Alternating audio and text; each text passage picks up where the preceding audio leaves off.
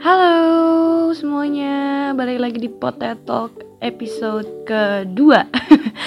Lama banget ya udah setelah gue uh, upload episode yang pertama Dan kali ini baru mau record lagi episode yang kedua. Dan sorry banget karena beberapa waktu ke belakang banyak kerjain sesuatu yang harus menyita fokus gue dalam jumlah yang besar. Akhirnya gue fokus dulu ke sana dan sekarang udah lumayan kelar sih jadi tinggal nambahin dikit gitu jadi makanya spare waktu gue bertambah dan tadi kepikiran lagi nih buat ngelanjutin podcast. Terus setelah dipikir-pikir ditimbang didiskusikan dengan diri sendiri akhirnya ketemulah uh, ide untuk gue gimana kalau misalnya gue sekarang ngomongin tentang pengalaman gue magang di satu portal berita online di media nasional sih ya di Jakarta Oke, jadi waktu itu gue apply buat jadi uh, jurnalis magang. Dan di situ tuh uh, job desknya sebenarnya ya kayak jurnalis biasa, cuman mungkin intensitasnya nggak sesering, maksudnya nggak sepadat jurnalis yang udah kerja beneran gitu. Gue tetap bikin berita dan gue liputan, gue wawancara dan ya lain-lain lah seperti jurnalis pada umumnya gitu. Cuman mungkin dalam uh, intensitas yang nggak sesering atau nggak sepadat jurnalis beneran gitu ya. Setelah gue apply berkas-berkas uh, gue dihubungin dari pihak sana untuk datang interview di gedungnya di daerah Jakarta. Dan akhirnya gue naik kereta tuh kan naik KRL gue ke Jakarta. Itu gue pagi banget sih karena kan gue ada posisinya dari Bogor ya. Jadi gue jauh banget kan dari Bogor ke Jakarta kota. Itu tapi nggak ke Jakarta kota banget maksudnya ke arah Jakarta kota. Dan itu kereta jam kerja itu pagi banget dan rame banget. Sebenarnya tuh wawancaranya sebenarnya siang cuman kan karena gue merasa itu hal yang penting sekali dan gue baru pertama kali ngalamin jadi gue merasa perlu persiapan dan gue nggak nggak nggak nggak bijaksana sekali kalau gue memutuskan untuk datang pas mepet waktu gitu kan. Akhirnya gue datang lebih pagi dong untuk nyiapin dan untuk supaya gue bisa sarapan dulu rencananya gitu kan. Akhirnya gue datang pagi-pagi itu gue udah dari Bogor jam around jam 8 gue udah berangkat dari Bogor ke stasiun. Dan cukup jauh ke stasiun tuh gue mungkin around 40 minutes. Dan akhirnya gue sampai habis itu gue langsung nunggu KRL naik dan segala macam itu kan rame banget ya. Gue awalnya dapat tempat duduk sih dan gue ketiduran waktu itu. Uh, eh, gue ngantuk banget kan. Udah tuh pas gue bangun kok gue lemes banget gitu kan. Gue lemes banget. Akhirnya ya udah pas gue gue mutusin buat berdiri wah gila itu mata pandangan gue langsung gelap gitu kabur dan gue kayak mau pingsan. Tapi pada waktu itu gue masih kuat buat uh, ngelangkah keluar gitu. Pas banget nyampe di stasiun Lenteng Agung gue keluar gitu. Itu gue belum nyampe sebenarnya cuma gue kayak keluar aja gitu. Pas gue sampai luar gue langsung duduk setengah tidur gitu di bangku prioritas gitu di luar yang apa besi-besi gitu udah liatin orang-orang tuh gue kayak kenapa kali ini orang ya? Itu gara-gara gue belum sarapan guys. Jadi gue berangkat pagi-pagi buat ke Jakarta itu dan gue belum sarapan. Dan waktu itu mungkin uh, karena gue punya asam lambung ya jadi naik. Jadi mungkin kayak gue lemas gitu dan segala dan lain-lain lah gitu. Akhirnya gue situ duduk dan gue sempetin beli cemilan sama roti dan gue makan. Gue lanjutin lagi perjalanan ke Jakarta waktu itu sebenarnya bilang telat sih enggak cuman akhirnya gue jadi nggak bisa siap-siap dan lain-lain karena nyampe di sana akhirnya ngepas gitu kan. Kan gue gue baru berangkat lagi jam berapa baru nyampe di kantornya banget itu jam sekian karena belum nyasarnya segala macam gue baru pertama kali ke sana. Itu bodohnya. Jadi kantornya itu dari stasiun yang gue tuju itu tuh dekat sebenarnya bisa jalan kaki dan bodohnya gue gue order gojek. Kocak ya? Tapi pas gue order gojek gojeknya ini juga nggak tahu guys kantornya di mana. Jadi ya ampun gue sampai muter-muter gitu loh muter-muter dan akhirnya gue diturunin di titik yang jauh banget dari kantor. Bahkan lebih jauh jalan kakinya daripada gue turun di stasiun pada awal sebelum gue order gojek kan kocak ya? Jadi sebenarnya tuh deket dari stasiun ke kantor itu gue tinggal jalan kaki. Karena waktu itu gue nggak tahu ya gue order gojek aja kan. Pas banget tempat gojeknya bukan orang sana. Ya udahlah dua orang pendatang ini nyasar kan akhirnya jadi lebih jauh dan gue udah kesel banget udah tampang udah kucel kumel. Tapi mau gimana lagi udah sampai sana gitu kan. Pada waktu itu gue tacap seadanya karena gue nunggu. Karena waktu itu jam uh, istirahat ya gue nunggu bentar. Akhirnya gue dipanggil interview segala macam. Gue ditanya uh, punya pengalaman atau enggak uh, udah pernah bikin berita atau belum udah pernah liputan kah atau gimana gitu kan.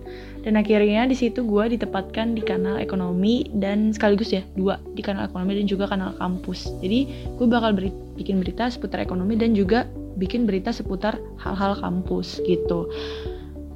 Awalnya sih ngerasa kayak ya udah sih normal aja kayak oke okay, gue bisa sih. Soalnya gue juga uh, pada waktu itu kan apa namanya gue berencana buat skripsian tentang uh, bisnis ya. Jadi kan ada nyinggung-nyinggung tentang ekonomi juga mungkin gitu kali ya. Gue ngerasa pede aja gitu pada waktu itu. Tapi sebenarnya enggak juga. Gimana ya? Di satu sisi gue ngerasa oh mungkin gue masih bisa gitu ya. Tapi di satu sisi gue juga ragu gitu kayak ini ekonominya seluas apa ya? Gue aja ekonomi eh nilai gue kecil gitu kan akhirnya ya udahlah gue merasa pede-pede aja. Mungkin gue kayak ya udahlah satu lagi kan di kanal kampus hal-hal kampus mungkin kayak gue masih bisa handle gitu kan. Ada juga rangkaian tes yang uh, kayak nge-translate berita gitu ke bahasa Indonesia gitu. Jadi ya lumayan lah. Setelah itu gue abis itu uh, udah tuh gue dikasih tahu bahwa ternyata gue lolos. Akhirnya deal dealan kapan gue bisa mulai masuk karena kan itu magang. Jadi uh, harus adjustment juga sama kuliah gue dan jam kerja kantornya. Kira waktu itu gue mutusin buat masuk di minggu depannya lagi di hari Seninnya gitu. Pada waktu itu gue, lupa sih wawancara hari apa cuman saya gue ke minggu ke depannya baru masuk. Akhirnya gue masuk pada waktu itu itu gue deg-degan banget juga. Kayak wah gue bakal ngantor nih ke Jakarta ya kan? Gue biasa tinggal di bukan pusat kota gitu. Gue biasa tinggal kayak ya gue berdandan sesantai-santai biasa. Akhirnya pada hari pertama gue coba buat berpenampilan yang lebih rapi dari biasanya dan make up yang lebih niat dari biasanya dan benar saja langkah yang gue pilih itu benar. Jadi guys gue kasih tau kalau misalnya kalian nanti pertama kali ada yang ngal baru ngalamin pertama kali kerja di Jakarta kalian harus dan kalian biasanya nggak tinggal di Jakarta gitu ya di di kabupaten atau mungkin di kota yang jauh dari Jakarta gitu beda culture-nya kalian harus bisa adjust penampilan kalian. Maksudnya setengahnya rapi kemudian ya makeup is a must. Kayak misalnya seadanya yang penting walaupun seadanya tapi muka kalian tuh harus kelihatan fresh gitu. Nggak yang pucat nggak yang kantong mata hitam gitu segala. Maksudnya nggak yang lesu gitu loh nggak kelihatan habis begadang tiga malam gitu. Saya rapi wangi bersih gitu. Dan enak lah buat kita interaksi sama orang-orang gitu. Dan akhirnya pada waktu itu oke okay, balik lagi uh, gue masuk uh, kantor dan hari pertama itu kan gue biasanya baru kayak diajarin gitu lah ya baru kayak training training gitu gimana gue disuruh baca ngamatin dulu berita-berita di situ gaya bahasanya gimana gaya penulisannya gimana. Dan akhirnya gue di waktu itu disuruh tuh pertama kali oke okay, kamu bikin berita uh, tentang ini ya kamu bisa kan ini ada dari sini uh, bahan-bahannya segala macam dikasih tahu. Akhirnya gue bikin lah pada waktu itu. Dan uh, jujur untuk berita pertama itu gue menghabiskan waktu yang sangat lama sekali. Menurut gue lama banget. Kayak aduh gue ngapain selama itu buat bikin berita?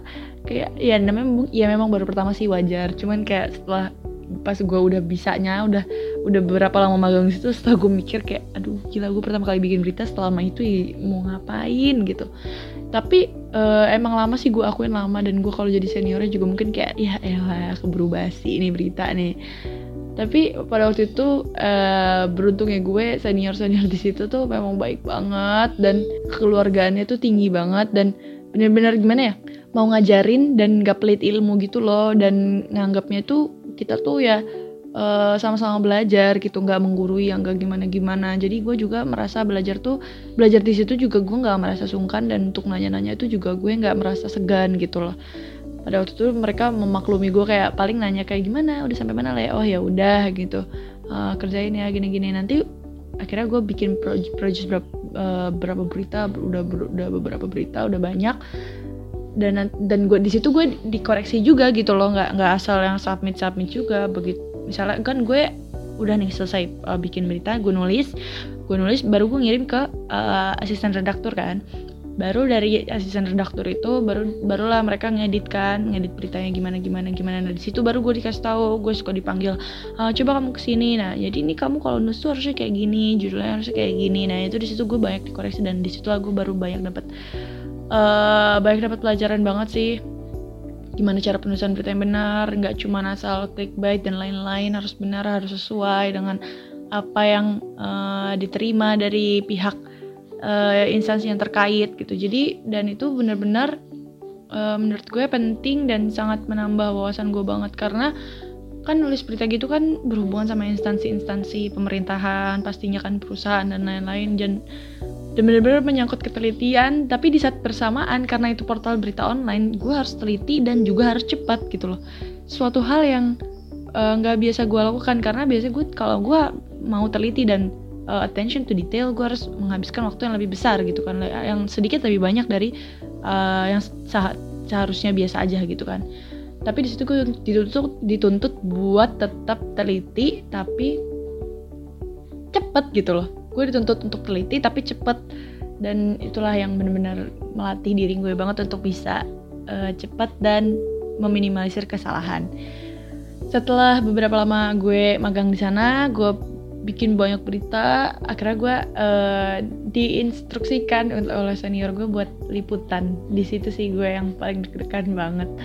Kayak uh, itu gue magang sebenarnya nggak gue sendiri ya banyak ya banyak dari uh, ada kampus-kampus lain juga. Dah di situ uh, waktu yang kloter gue nih kloter magang gue dan teman-teman gue kan jadi ada ber ber beberapa kloter gitu ya. Kayak ada yang masuk nanti ada yang keluar lagi ada yang masuk keluar gitu kan. Akhirnya pas yang uh, kloter gue tuh udah pada liputan semua jadi gue doang yang belum liputan. Dan akhirnya sampailah ke urutan gue ditugaskan untuk liputan itu kan. Sebenarnya gue takut karena gimana ya gue gue takut untuk uh, ke tempat di mana gue harus ngobrol sama orang banyak terus kayak gue nggak kenal sama orang-orang itu kan bener-bener satu hal yang baru yang belum pernah gue jalankan kan. Jadi gue langsung overthink gitu dan gue gimana sih gimana ya uh, takut sendiri gitu loh. Ih gue gimana? Gue mau ngapain di sana dan gue harus ngelakuin apa gitu.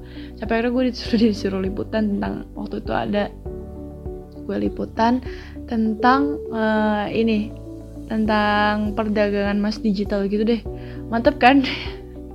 Di situ. Jadi selama sebelum gue liputan tuh kan gue masih bikin berita ekonomi tuh yang enteng-enteng ya. Misalnya kayak tentang uh, rupiah hari ini harga emas hari ini harga saham hari ini IHSG dan lain-lain gitu. Mas menurutku masih bisa gue maintain gitu loh. Tapi pada waktu gue liputan ini yang benar-benar diuji banget pengetahuan gue tentang ekonomi di mana hal yang sama sekali nggak gue kuasain gitu. Gue disuruh uh, ngeliput tentang kebijakan pemerintah soal perdagangan emas digital dan pada saat itu gue kayak gue berada di situ gue gue gue dengerin uh, presentase diskusi presentasi presentasi dan gue dengerin presentasi dan juga diskusi. Kemudian gue baca materi yang ada di presentasi tersebut. Gue kayak gue ada di dunia yang salah guys. Gue nggak ngerti apa yang disampaikan oleh mereka. Mereka ngomong apa? Dan di situ gue kayak gue harus nanya apa? Gue harus bahas apa? Dan di situ baiknya senior gue uh, walaupun gue waktu itu liputan di luar tes senior gue tetap kontrol dari kantor dan dia nanya gimana progresnya dan apa yang gue uh, apa kendala yang gue rasain. Gue ngomong di situ bahwa gue gue kurang ngerti dengan jal apa alur dari diskusi ini gitu loh. Gue bilang mas gue kurang ngerti. Gue harus nanya apa. Dan akhirnya di situ gue dikasihlah uh, panduan-panduan yang sekiranya uh, dia senior gue itu ngelit gue untuk nanya hal-hal yang ada di seputar itu. Dan dia ngasih gue arah baru bahwa diskusi ini bakal tentang ini loh le. Bakal tentang ini ini ini. Akhirnya setelah gue lihat di situ uh, gue dengerin lagi diskusi yang ada gue ikutin. Oke okay, gue pelan-pelan gue ngerti ke mana arah diskusi ini dan oh ternyata gitu. Oke okay, gue bisa nih. Dan setelah itu gue langsung doorstop. Dan itu doorstop pertama gue dengan pihak-pihak pemerintah yang ada di negara ini dan situ gue tanya beberapa hal kayak wah gila. Gue kesannya tuh gue kayak ngerti gitu padahal baru hari itu gue ngerti tentang hal ini tentang perdagangan emas itu baru hari itulah gue ngerti. Tapi gue langsung nanya seakan-akan gue udah ngerti dari lama banget kayak udah ngerti gue dari kayak gue ah gitulah pokoknya ya. Di situ gue kayak wow keren juga gue ya bisa ngerti hal-hal kayak gini gitu. Dan akhirnya gue abis itu udah gue langsung dan dari situ karena karena gue itu ada di portal berita online otomatis gue harus cepet dong um, apa untuk nulis berita kan. Jadi bahkan saat saat masih liputan pun gue udah bikin tuh uh, kerangka apa berita ya gitu loh. Kayak gue udah ngetik poin-poin yang bakal apa gue cantumin di berita itu. Terus kayak uh, apa hal-hal penting kayak nama narasumbernya lokasi tanggal segala macam yang bisa mempercepat proses penulisan gue. Jadi kan gue nanti tinggal tambah ha, apa tentang bahasan apa dan gue tinggal tambahin juga tentang eh, kata-kata si narasumber gitu kan. Jadi gue udah bikin tuh uh, kerangka-kerangkanya dan abis itu gue tambahin baru gue kirim sampai terus gitu sampai akhirnya liputan apa uh, acaranya kelar dan liputannya kelar di jalan pulang pun gue tetap ketik berita kayak gitu tuh. Jadi uh, gue salutnya sama orang-orang yang kerja di portal berita online tuh mereka bisa banget sih. Otak mereka tuh jalan sambil dengerin sambil bikin berita sambil nanya juga di, di, di diskusinya gitu di liputannya. Dan harus cepet gitu bener-bener gerak cepet yang kayak ya kalau lo nggak cepet lo bakal kedahuluan kan sama portal berita online lainnya. Jadi gitulah. Itu salah satu hal yang gue salut banget sama orang-orang yang kerja di portal berita online dan dari situ gue juga paham bahwa wah gue harus cepet gue harus bisa tanggap apa yang diomongin. Tapi di satu sisi gue juga harus bisa nulis cepet dengan kesalahan yang minimal gitu loh. Mantep banget kan? Itu bener-bener skill yang gue rasa gue belum tentu bisa dapetin di luar kalau gue nggak magang di sini gitu. Akhirnya gue pulang dan uh, pada waktu itu gue tetap mutusin buat balik ke kantor. Karena sebenarnya gue bisa pulang cuman karena pada waktu itu gue ngerasain liputan pertama dan gue butuh koreksi yang banyak jadi gue balik ke kantor dan sambil nyelesain berita-berita yang belum kelar gue uh, di situ gue ke kantor gue balikan gue gimana nih berita gue? Uh, mas. Pas pada waktu itu sih senior pada bilang oh, mantap kok berita lo ini liputan pertama tapi berita lo udah lumayan banget udah info pentingnya udah ada dan hal-hal yang diberita juga udah ringkas tapi jelas to the point. Cuman mungkin lo masih kurang di nulis judul segala macam. Eh, gue akuin pada waktu itu gue paling bingung banget buat nentuin judul berita. Gue tuh tipe orang yang kalau gue bikin cerita bikin puisi bikin apa pun itu judul tuh terakhiran. Dan even udah ditaruh di urutan terakhir gue tetap bingung mau nulis apa tuh di judul. Tapi nulis teksnya bisa panjang ya gak sih? Kayak ada gak sih kalian yang sama kayak gue kayak buat nentuin judul tuh susah gitu judul apa yang bisa mewakili tulisan ini gitu loh itu tuh gue susah banget tuh pada waktu itu gue baru baru apa ya ibaratnya judul gue tuh selalu diganti dah. Nggak pernah pakai judul ben yang bener-bener dari judul bikinan gue gitu. Itu baru mungkin pas udah setengah perjalanan magang baru deh beberapa judul gue di ACC gitu. Tapi pada waktu itu gue udah bangga sih walaupun judul gue diganti tapi kan sengaja tulisan gue kan tetap kayak gitu kan. Tetap tulisan gue asli gitu nggak dirombak abis-abisan. Jadi ada rasa banget sendiri ketika berita yang di up ke media itu berita lo yang pure tanpa editan gitu loh. Berarti kan lo tulis tuh udah bener judul lo udah bener berita lo udah bener itu bangga banget sih buat gue. Karena menurut gue kayak wah gila tulisan lo makin hari udah makin bener nilai gitu kan. Wah gila karena karena yang dipikirin gue kayak wah berarti tulisan lo makin hari udah makin bener nih. Keren. Akhirnya gue situ ya gue suka memuji diri gue sendiri sih buat menyemangati ya kebetulan. Oke jadi akhirnya gue pada saat itu uh, apa ya akhirnya gue ya banyak liputan kedua ketiga tentang beberapa hal. Kayak uh, karena waktu itu gue sempat karena di liputan pertama gue tentang emas digital ya. Akhirnya pas ada emas digital gue lagi sih yang disuruh. Karena memang biar nyambung dan nggak dari nggak nggak ngeriset dari ulang gitu ya. Karena kan gue udah punya uh, apa namanya pemahaman dari liputan sebelumnya gitu mungkin ya.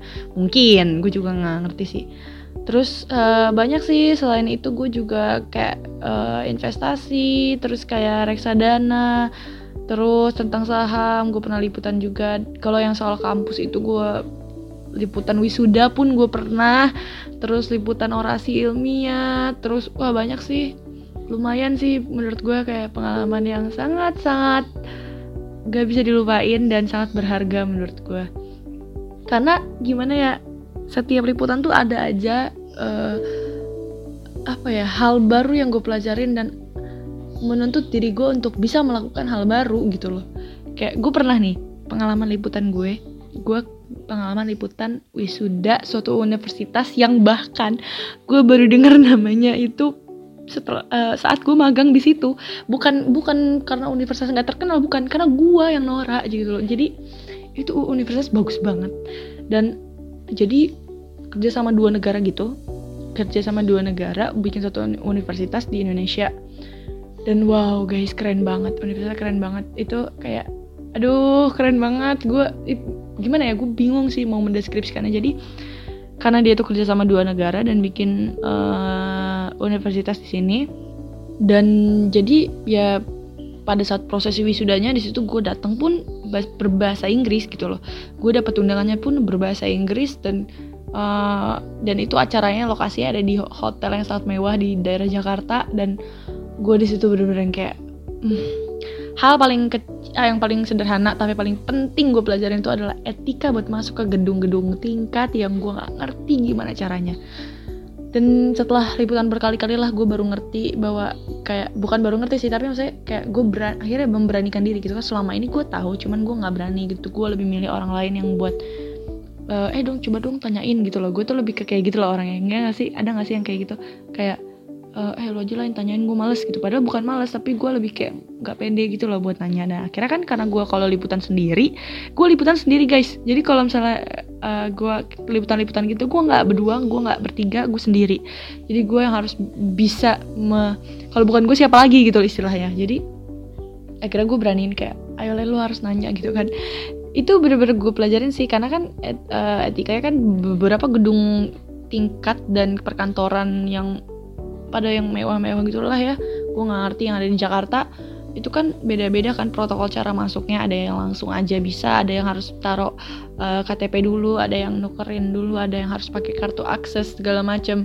Ada yang liftnya biasa ada yang liftnya touchscreen ada yang liftnya harus dipakein kartu. Gitu loh. Jadi itu yang menurut gue kayak aduh gue gue nih kayak kalau nggak magang gue bakal jadi orang paling norak nih kayaknya.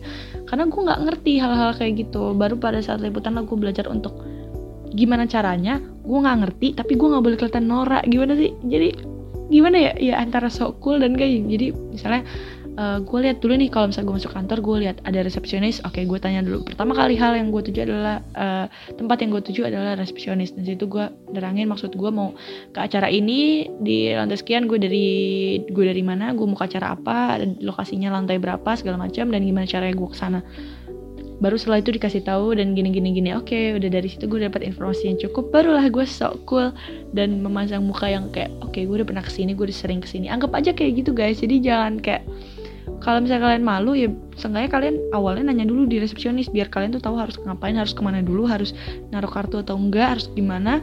Sampai akhirnya uh, kalian udah ngerti kalian bisa ini sendiri gitu loh bisa jalan sendiri gitu. Dan waktu itu gue udah pede-pedenya tuh gue naik lift terus gue nyari tahu nih gimana cara neket tombol lift kok nggak bisa? Ternyata harus diinin dulu pakai kartu kan. Karena gue nggak pakai kartu udah bisa gue nyampe. Di situ gue disambut banget sama orang dari universitasnya. Itu keren banget sih bener-bener yang kayak wisudanya itu di ballroom hotel dan itu tuh gede sih hotelnya juga. Dan ya maksudnya iya sih mungkin nggak sebanyak mahasiswa di universitas negeri kan biasanya banyak banget ya. Jadi wisudanya harus di gedung uh, geraha sendiri gitu kan kayak aula wisuda punya mereka sendiri kan. Nah kalau ini tuh emang ya emang gak sebanyak wisuda wisuda di universitas biasa gitu loh. Cuman bener-bener protokolernya tuh bilingual guys. Uh, bukan protokoler ya tapi apa ya? Uh, semua acaranya itu MC itu ngomong bilingual. Wah gila banget sih. Kayak keren menurut gue keren. Karena uh, jujur uh, di tempatku kuliah juga belum belum kayak gitu sih pakai bahasa Indonesia biasa aja gitu. Di situ dia pakai dua bahasa gitu kan bahasa Inggris sama bahasa Indonesia. Terus kayak pada saat uh, apa namanya sebelum prosesi wisudanya itu mereka nampilin uh, banyak gitu persembahan dari mahasiswa mahasiswanya kayak tari dari budaya mana, dari kesenian dari budaya mana gitu loh. Padahal kan mereka kan kerja sama dari dua negara gitu kan. Tapi mereka nampilin dari negara Indonesia gitu loh, kayak banyak tari-tariannya dan dan itu tuh kostumnya niat banget, bagus banget, bagus banget make upnya segala macem. Wah gila keren banget, merinding sih gue asli gue dengerin merinding.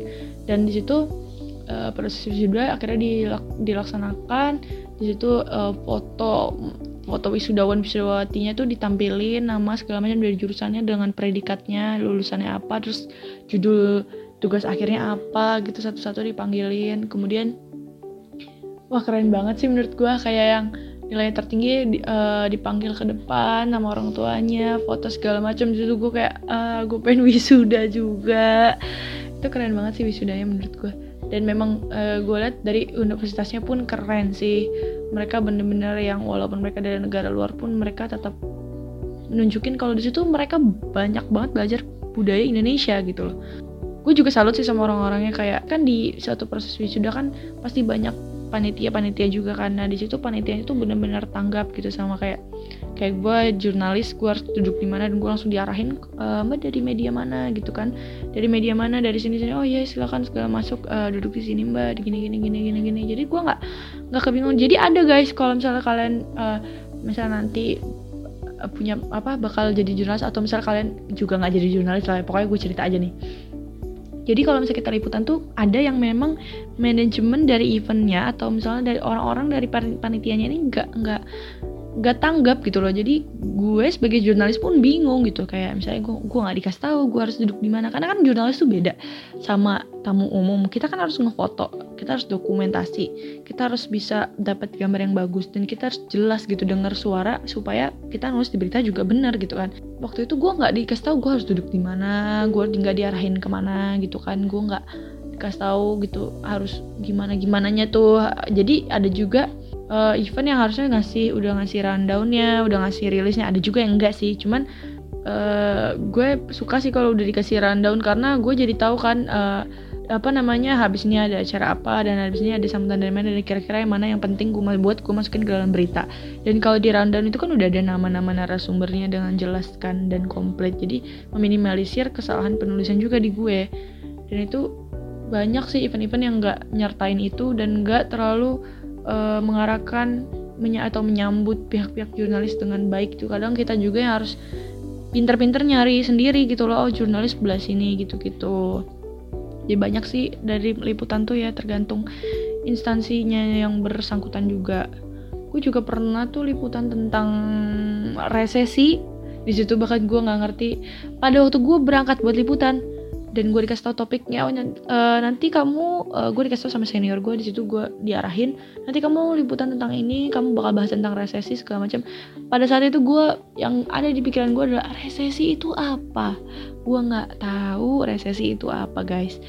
Dah gue di situ langsung yang oke okay, gue harus baca dulu nih yang banyak resesi itu apa segala macam. Baru akhirnya gue ya udah uh, gue baru berani gitu loh buat nulis tentang resesi itu apa. Dan gue baru ngerti resesi itu apa dan gue baru bisa nanya mengenai hal-hal yang terkait dengan resesi. Itu gue kayak sebenarnya dipaksa belajar tapi memang harus belajar sih karena kalau enggak gimana gitu kan sementara gue liputan eh gue memang magang di dunia yang bersangkutan ekonomi. Mau nggak mau gue harus tetap belajar ekonomi walaupun gue nggak suka dan nggak bisa gitu loh. Akhirnya ya lama-lama bisa sih paham sedikit dan bisa untuk setidaknya untuk ngejalanin tugasku gue paham gitu loh. Situ gue ketemu banyak tokoh kayak misalnya Bima Yudhistira dari pengamat ekonomi Indef. Gue banyak banget sih ketemu tokoh-tokoh yang uh, hebat menurut gue ya gue juga punya banyak, uh, ketemu sama dokter. Gue waktu itu pernah liputan di acara uh, hari peringatan hari kesehatan mental. Ya kalau nggak salah itu. Dan gue ketemu banyak dokter-dokter ke spesialis kejiwaan dari eh, Fakultas Kedokteran UI. Wah, itu keren banget dokter-dokternya dan gue banyak banget dapat pelajaran. Mungkin nanti gue bakal bikin podcast sendiri kali ya tentang materi dari gue waktu itu pernah liputan tentang materi kesehatan mental dan itu menurutku penting sih nanti deh gue uh, kalau misalnya gue punya kesempatan dan waktu lagi gue bakal bikin podcast yang khusus uh, episode yang ngebahas khusus uh, ini ya kesehatan mental itu keren banget terus gue juga pernah ketemu sama artis-artis terus tokoh-tokoh pemerintahan sih yang banyak sih yang tokoh-tokoh pemerintahan sih karena karena gue berita tentang yang ekonomi kayak gitu ya gue lebih baik ketemu sama pengusaha-pengusaha juga gitu. Sama mungkin kayak ke universitas-universitas gitu gue ketemu guru besar rektor segala macem. Dan yang paling spesialnya nih ada. Gue pernah selama magang ini gue pernah dipercayai untuk dipercayakan ya? Gimana sih? Gue pernah dipercaya lah ya sama uh, senior gue. Dan itu dia sebagai uh, apa ya red pel redaksi redak redaksi pelaksana ya redaktur pelaksana. Gue pernah dipercaya oleh red pel gue redaktur pelaksana buat mewawancarai satu tokoh satu orang pemerintahan. Satu orang ini menjabat jabatan yang mantap banget di pemerintahan dan gue disuruh uh, gue dipercayakan untuk mewawancarai beliau. Di mana pada saat gue gue sendiri pun gue kaget gue dikabarin juga mendadak. Wah gila banget. Itu bener-bener gue gue uh, gimana ya? Di satu sisi gue ngerasa gue bangga gue kaget gue speechless. Gue seneng juga tapi gue juga takut gitu. Aneh kan? Oke setelah ini gue bakal bahas tentang uh, pengalaman gue mewawancara satu tokoh pemerintahan ini siapa. Nanti gue bakal spill di situ siapa tokohnya dan gimana pengalamannya gimana persiapannya gimana proses wawancara cara tatap muka eye to eye on cam di media nasional tersebut. Nanti gue ceritain. Tungguin terus Talk di episode selanjutnya. Bye bye